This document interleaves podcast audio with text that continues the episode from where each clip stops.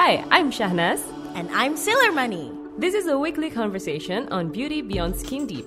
From simple decision on makeup look for your Sunday brunch To life hacks and updates on whatever it takes to be self defined beauty these days. We are here to spread and celebrate positivity. Welcome to Magna Talks Beauty. Hi guys, it is a wonderful day to feel beautiful. Welcome back to Talks Beauty. And because this is October, this means this is the month of mental health awareness. And we have a special guest today, Cita dari ibunda.id. Welcome. Hai. Of course sama Aminas juga tetap ada. Kembali lagi bersama saya. Ya ada dia. Dari tadi gue di mana? Enggak. Yo power. Crazy. Enggak, karena emang penting banget pembahasan kita hari ini, ya kan? Kita akan kita akan membahas mengenai mental health dan digital era karena pastinya agak-agak berat gitu loh menjadi apa ya? em, men- mencoba untuk selalu eksis gitu di sosmed. Tapi at the same time kadang-kadang tuh berat untuk untuk untuk apa namanya? Mungkin bisa dibilang self worth dan kita nggak nggak ngerasa apa ya? Insecure gitu. Gimana sih caranya untuk memakai eh, sosmed tuh tetap stay sosmed aja gitu, nggak jadi nggak nggak depresi karena itu. Sebenarnya itu sih yang mau kita omongin kan. Ya. Waduh. Minum-minum. Sorry. Tapi mungkin kita awali dari em, tadi kita awali dari mana? Dari sini bu, iya dari sini kita sering uh, melihat konten yang mungkin tidak bukan tidak senonoh, cuman kayak bikin kita Oh iya, comparing comparing. ourselves gitu ya, merasa Insecure. kayak, kok kita nggak sebagus mereka sih, kok mereka punya Alphard Yeah. baru, Alphard tuh udah lama. Eh. Jet baru, jet baru. ya kayak gitu-gitu kan nggak bisa kita kontrol kan. Nah sebenarnya eh, gimana sih cara kita tetap ngelindungin diri kita gitu? Sebenarnya kan kalau sosial media tuh kan platform ya. Maksudnya dia dibuat untuk em, membuat kita sebenarnya nyaman untuk menggunakan aplikasi itu gitu. Kalau misalnya sejauh ini kita nggak nyaman, berarti kan there's something wrong dengan kita sendiri, bukan si platformnya gitu kan. Nah, em, gue selalu bilang sih kalau misalnya lo main sosial media, mendingan lo pertama mengenali diri lo sendiri gitu. Jadi sosial media akan menjadi toxic ketika lo tuh insecure emang dari em, kondisi lo sekarang gitu. Terus kemudian lo ngerasa sekarang lagi nggak em, stabil dalam hal kehidupan, dalam kondisi kesehatan mental lo gitu. Atau opsi yang ketiga adalah ketika emang lo nggak punya kehidupan lain di luar sosial media gitu. Itu jadi toxic banget tuh tiga hal ini. Lo tuh kategorinya yang mana nih? Lo lo lo, lo kira-kira baca aja deh diri lo sendiri gitu. Lo review aja. Lo ada di kategori mana gitu. Karena ketika lo not secure enough sama diri lo sendiri, apa aja tuh bisa jadi trigger. Jadi Oh, oke. sosial media itu trigger gitu. Bukan bukan bukan sosial media langsung membuat kita jadi depresi gitu. Tapi itu adalah trigger. Jadi let's say saat ada ada beberapa teman gue yang memang punya isu terhadap anxiety misalnya gitu. Memang dia lagi dalam tahap pengobatan dan lain-lain. Sometimes ketika lo main sosial media itu jadi trigger baru loh. Gitu. Jadi trigger baru gitu. Dan itu memperburuk kondisinya dia gitu. Makanya kalau em, teman-teman gue gue saranin ya lo lakuin aja diet sosial media gitu. Nggak ada yang salah kan? Itu powernya dari lo loh akun-akun lo ya kan? Handphone handphone lo gitu. Itu ada powernya dari lo. Kadang kan kita terlalu takut FOMO ya. Jadi takut kehilangan. Oh iya itu kehilangan. ya kita takut kehilangan eksistensi dan gak update sama kehidupan gara-gara sosial media gitu. Padahal kalau lo mau update tentang kehidupan orang sekitar lo kenapa nggak telepon aja? Iya sih. Iya kan? Bener sih. Iya kan? Kayak ya gitu gitu. Ya dan itu jadi jadi hal yang em, aneh aja. Kita jadi ngerasa kita nggak punya kontrol terhadap diri kita sendiri. Yang Iya. padahal itu membuat kita jadi nggak nyaman gitu. Gitu. gimana kalau kalian sendiri nyaman sejauh ini pakai sosial media? Dilempar bolanya ke saya. Kalau kalau eh, gue sih sebenarnya gini ya, em, yang sulit buat gue adalah gue pernah mengalami gangguan-gangguan itu of course gitu, karena hidup orang kalau menurut gue sesecure secure gue pasti ada tahap gue lagi insecure, Yep. pasti gitu. pasti Dan ketika gue pakai, ketika gue lagi insecure, emang bener. Gue pernah tuh setelah gue em, melahirkan, gue tuh merasa jelek banget. Gue merasa gue gendut, gue merasa gue bloated, gue merasa gue bukan gue. Dan gue bener-bener niat apa pun tuh bitter. Gue buka buka sosmed, gue kesel. uh, banyak banyak orang bisa ke kanan ke kiri gue nggak gue di rumah dan gue harus nyusuin anak gue menurut gue itu dark banget saat itu gue gitu. Jadi emang mungkin masanya di gue dan yang untungnya waktu itu suami gue bilang ehm, mendingan kamu nggak buka sosmed dulu deh karena kamu cenderung kamu tuh jadi jadi depresi gitu. Kamu tuh depresi karena kamu ngeliat orang lain punya kebebasan itu sedangkan gue sebenarnya bukan nggak bebas tapi gue masih adaptasi karena gue baru punya bayi. Of course gue harus di rumah loh. Tiga bulan gue harusnya di rumah gitu kan. Gue gue harusnya cuti dari pekerjaan gue gitu.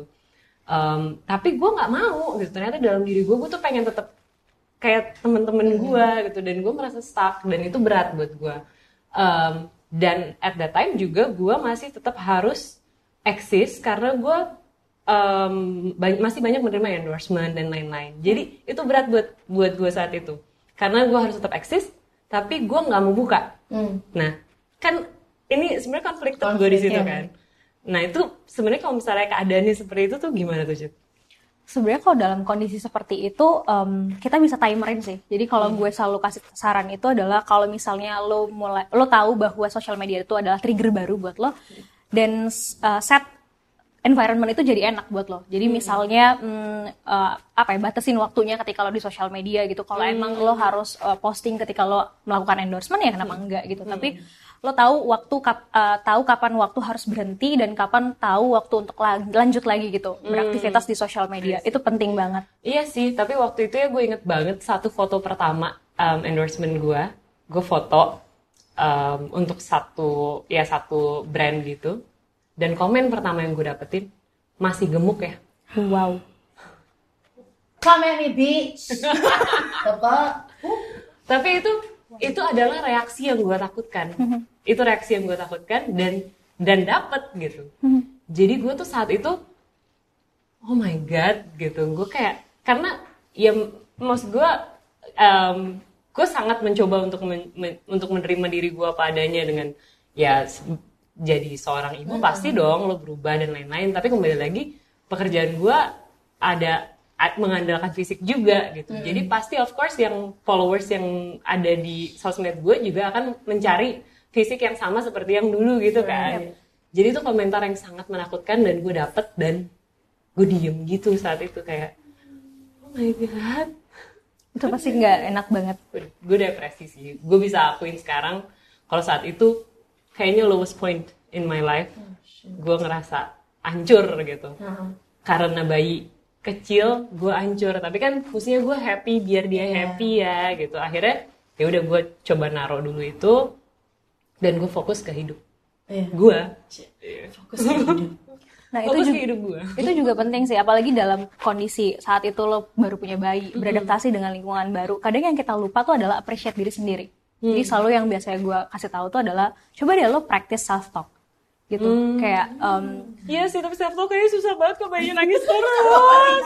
Itu kayak justru kar- kar- mungkin pertama susah ya karena nggak terbiasa dan aneh. Kayak lu Iya, ngomong sama diri lu sendiri lu gila gitu kan gitu. tapi ya kan gitu. Tapi tapi ketika itu udah jadi satu kebiasaan justru akhirnya lo belajar untuk mengapresiasi diri sendiri. Karena kan kita nggak selalu bisa mengharapkan orang untuk appreciate kita kan. Even though itu suami kita misalnya atau yang lain-lain atau keluarga kita gitu. Tapi cara kita untuk appreciate diri sendiri tuh latihannya lumayan agak cukup panjang tapi itu akan works loh pertolongan pertama tuh harus datang dari diri lo sendiri Iya sih. gitu. Dan itu nggak nggak se- sesusah kayak lo buat puisi kayak hari ini kamu cukup baik melakukan hari-hari misalnya gitu kan. Nggak nggak iya ya nggak nggak mungkin kayak gitu. Senyamannya lo aja bahasa lo ke, ke diri lo sendiri tuh kayak gimana kayak sesimpel kayak thank you ya hari ini lo udah cukup uh, membantu diri lo sendiri, udah kuat buat diri lo sendiri, um, udah melewati hari lo sendiri. Walaupun gue tahu lo capek, walaupun gue tahu lo misalnya um, pengen banget menyudahi ini semua misalnya gitu. Tapi lo udah berhasil lo melewati hari ini. So thank you. Besok kita berjuang lagi ya. Hari ini udah selesai. hari ini kita hari ini kita istirahat gitu. Iya sih, itu harus perlu dilakukan terus ya. Tapi gue pengen tahu juga dari Gemat nih, karena gue dan lo kan cukup bertolak belakang ya. Gue tuh sering, gue sering insecure. Gue gue mencoba suka menyamakan diri gue sama standar yang ada di luar sana gitu. Tapi kalau lo kan emang karakternya cukup kuat nih sebagai seorang Gemat dengan keberanian itu. Maksudnya di dalam sosmed, apakah lo ada rasa kadang Aduh, duh, nggak nyamannya gitu ya. Gue kalau di social media mungkin I think all fat girls relate to this. Kayak kita tuh ada saat di mana gue nerima kalau gue bukan uh, stick thin misalnya atau kayak uh, Instagram body tapi pose-posenya kita pasti kayak dibikinnya kelihatannya lebih kurus atau lebih kecil. Itu kadang-kadang tuh gue ngerasa kayak Buat apa? "Ah, ah, buat apa?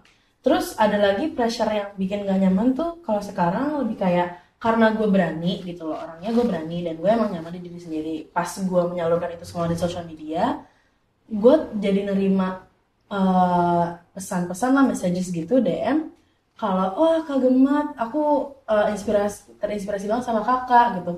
Tapi jadinya gue malah takut gitu loh kayak what if I'm setting a bad example? Itu kadang-kadang gue juga suka pressure. Jadi gue ngerasa baik banget nih orang yang udah merhatiin gue jadi kayak ke sana gue nggak bisa jadi diri gue sendiri. Itu satu pressure gitu. Atau ada ekspektasi kalau orang orang gendut orang gemuk orang besar di sosial media mereka itu jauh lebih kuat daripada orang-orang yang cantik-cantik dan kurus-kurus karena mereka ready to be judged because they are flawed. Di sosial media tuh kayak gitu, gitu. kalau misalnya orang tetap sama gue mereka pasti kayak praise gue kayak eh dan mereka mungkin kayak udah lupa gitu loh nggak nggak nggak terlalu mikirin kayak fisik gue tapi karena di sosial media apa yang ada adalah fisik gue jadi tuh merasa pressure pasti ada di situ gitu. Orang pasti ngerasa kayak oh kalau misalnya lo berani putting yourself out there berarti lo udah biasa ya sama hate comments gini-gini gitu kan. Orang juga jadi lupa. Ya, ya, ya, ya. jadi tekanannya ada di situ. Satu jadi terbatas gitu. Kayak gue gue merepresenta- meres- mempresentasikan sesuatu nggak ya? Apakah gue harus tidak menjadi diri sendiri nggak ya? Gitu gitu sih. Cuman kalau misalnya buat kayak hate comments atau comparison itu gue sangat jarang. Untuk gue bersyukur banget sih. Gue nggak terlalu kayak compare my lifestyle atau life choices with people that I see online. Dan tadi juga gue bilang tadi kan kayak I'm very familiar with the block button and the unfollow button like excuse you. Kalau misalnya kalau lo udah gue anggap mengganggu atau nggak penting di Yeah. dalam hidup online gue yang gue juga ketemu sama lo in real life you're gone bitch.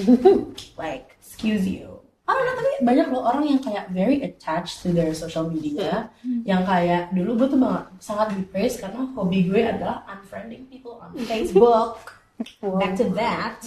Uh, gue baru aja unfriend seseorang di Facebook. Tadi. May I ask who? oh. Who? you may ask what I will not answer. Eh, um, ya tapi gitu gue kayak "Ih, kok lo bisa sih? Ya, ya. unfriend dia? Nah, karena butuh keberanian kan. tapi menurut gua itu attachments kayak menurut gue itu suatu attachment antara lo dan profil lo.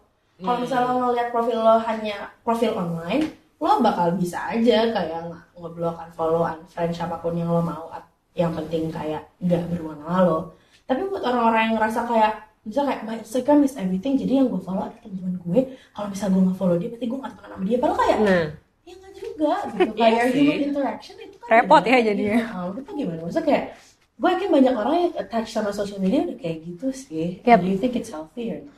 Hmm, tergantung. Balik lagi ke orang tadi, em, dia ngerasa enjoy atau enggak, ngerasa nyaman atau enggak. Kayak misal kayak lo em, me- apa ya, melihat em, semakin banyak yang appreciate em, diri lo gitu ya sebagai seorang influencer yang bisa memberikan inspirasi buat mereka, it's good. Tapi kan kadang otak kita tuh enggak nggak bisa menerima gitu aja pujian kan, honestly. Jadi kita emang suka merepotkan diri sendiri. Itu Iya, udah iya, kayak bener-bener. otak kita bekerja Ah, masa sih gitu? Iya gitu, otak kita udah bekerja kayak gitu. Kalau dibuat permudah, dipermudah tuh kayak nggak sah gitu otak kita. Kayak gue belum kerja gitu sebenarnya, ya kan gitu. Jadi sebenarnya em, kita juga melatih diri untuk oke mindfulness. Iya. Ketika lo dapet apresiasi, terima kasih, just it.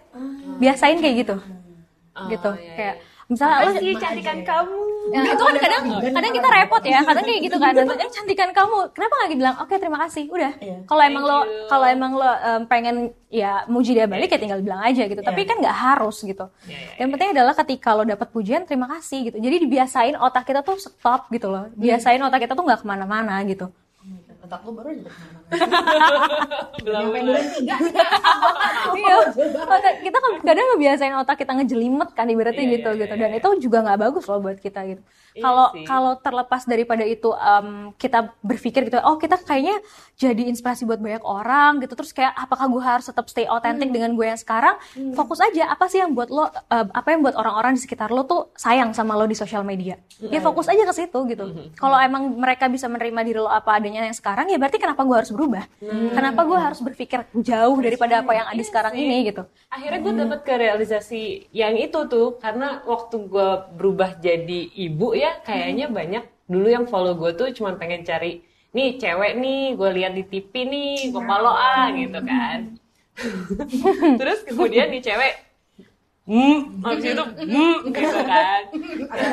Hmm habis itu hmm, hmm, hmm, hmm, gitu. Jadi kok kayaknya dia jadi manusia biasa Memang gitu kan manusia aku biasa. manusia biasa ya Kan rocker juga manusia. Oh, iya, aku lupa aku rocker. ya, maksud gue, at the end, gue harus melepaskan followers-followers yang mulutnya kayak gini nih, yang cuma mengharapkan gue untuk ngasih lihat badan bagus dan muka cantik all the time gitu. Karena ya ternyata komen-komen mereka masuk gitu kan. Kok, kok udah gemukan sih? Kok gini sih? Kok masih gemuk sih? Iya. Coba kalau misalnya ada tuh orang itu aja, hai kalau mau komen lebih lanjut sih, at Sailor Money.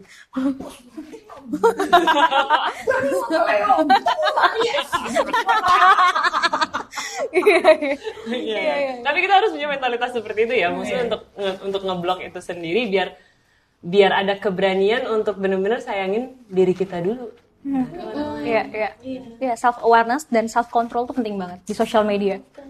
Nah, Iya. terus ada satu topik lagi yang gue juga penasaran nih. Em, lo kan bisa ngontrol siapa yang lo follow gitu ya sebenarnya gitu, tapi lo nggak bisa tahu apa yang terjadi sama diri lo. Diri lo akan mengalami naik dan turun gitu, tergantung aja dan hormon kadang-kadang juga Iya. mm, ya gitu deh mengambil jatah dalam uh, di dalam apa badan kita.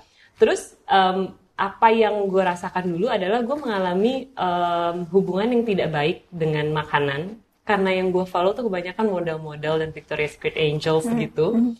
Nah, gimana sih caranya lo tahu kalau oke ini nih udah salah nih gitu. Karena setiap kali gue lihat mereka di sosmed gue, gue nggak mau makan. Karena gue pengen badan gue kayak mereka, gue pengen secantik mereka, gue pengen gue pengen kaki gue sepanjang mereka. Yang nggak mungkin sebenarnya. Mereka mau cangkok di mana, Egrang. gitu. asli. Cuman kan itu menjadi masuk ke dalam subconscious gue kan gitu dan harusnya gue lebih aware tapi gue nggak tahu at the time gitu. Nah gimana sih caranya untuk untuk lo tahu kalau no lo harus unfollow nih yang kayak gini-gini nih gitu. Karena ini akan berakibat buruk sama lo. Mhm. Waktu itu sampai di em, sa- saat sekarang, maksudnya lo bisa keluar dari proses itu gimana? Gue makan. Dari nggak makan, gue makan. Jadi Abis otak gue berguna lagi. Lo unfollow gitu. Oh iya, iya keren. Wah, ini nyambung. Berarti kayak Langsung action plan ya? Lo gitu loh. Kayak, oke, gue udah bener nih. Gue makan dulu, bekerja. Wah, bener unfollow gitu. Iya ya, cuman gue itu la- lama, lama bu. Gue ada di dalam di dalam pusaran itu tuh lama. Em, dan untuk sampai ke saat ini adalah gue banyak meditasi, gue banyak yoga, gue banyak ngobrol sama diri gue gitu. Baru gue sadar kalau ini tuh karena gue banyak ngeliat sesuatu yang terlalu perfect.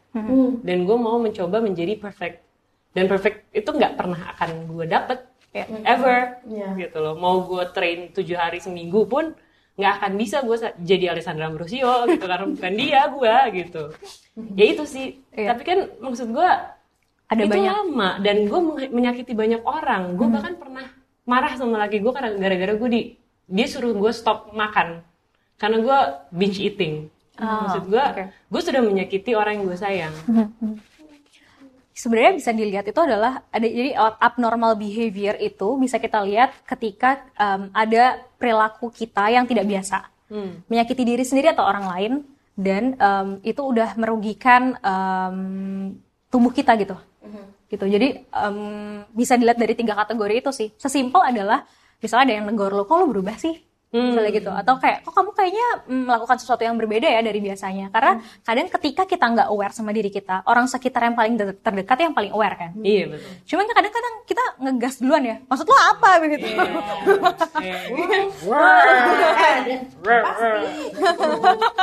Gitu kan. Kadang kita ngegas tapi sebenarnya em, ketika ya ngegas tuh juga wajar ya maksudnya normal. Tapi ketika orang bilang kayak gitu harusnya jadi sign jadi tanda buat kita bahwa oke ada sesuatu yang gue lakukan yang tidak pada biasanya. Dan itu nggak baik buat diri gue sendiri gitu karena orang di sekitar gue ngingetin gue gitu. Atau tadi ketika ngerasain sesuatu yang berlebihan yang harusnya gue makan ya udah kayak tiga hari sekali gitu tiba-tiba gue makan jadi nggak ada polanya terus nggak jelas dan lain-lain kayak gitu. Itu juga jadi satu hal yang bisa lo kenalin sebenarnya. Terlepas daripada sebenarnya kan em, ngeliatin sosial media apa itu kan cuma satu perilaku ya. Perilaku perilaku lain tuh yang harus bisa kita kenalin sebenarnya gitu. Jadi ketika ketika misalnya lo ngerasa udah oke pola makan gue kok jadi nggak beres ya gitu. Pola tidur gue jadi nggak beres ya. Pola komunikasi gue dengan orang terdekat mulai nggak beres ya. Gue mulai nggak nyaman sama diri sendiri dan orang lain mulai nggak nyaman sama gue. Berarti there's something with us gitu It's okay, it's okay. A break. Coba. Sleeping pattern gue lagi rusak banget. Karena lu follow apa? Nggak Akun kopi. wow.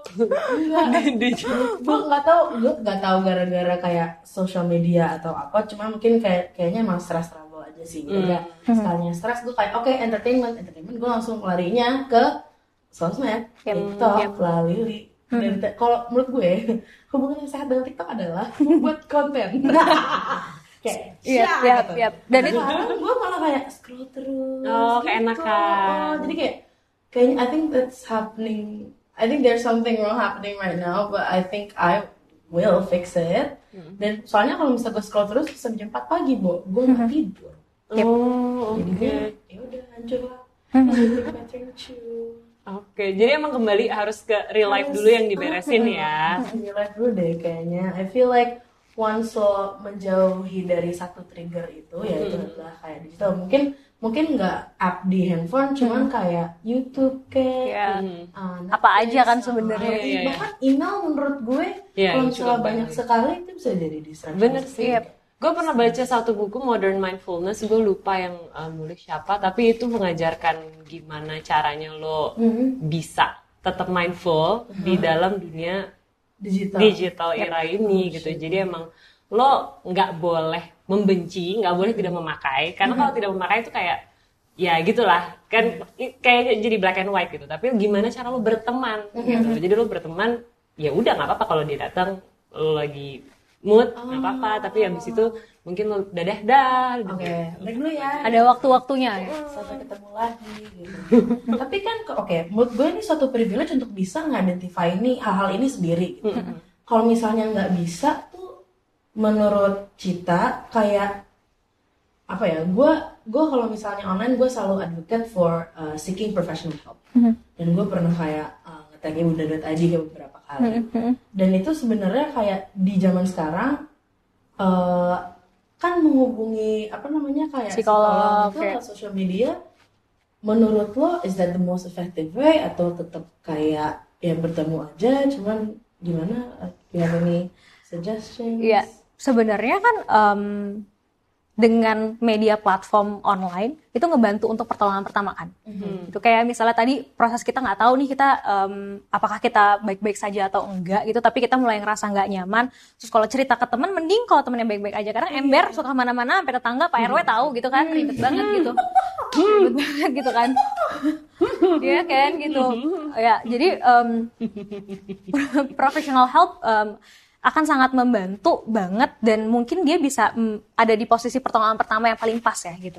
Pertolongan pertama yang paling pas. Apalagi sekarang em, dunianya udah serba mudah untuk dapat pertolongan nggak kayak zaman batu gitu kan.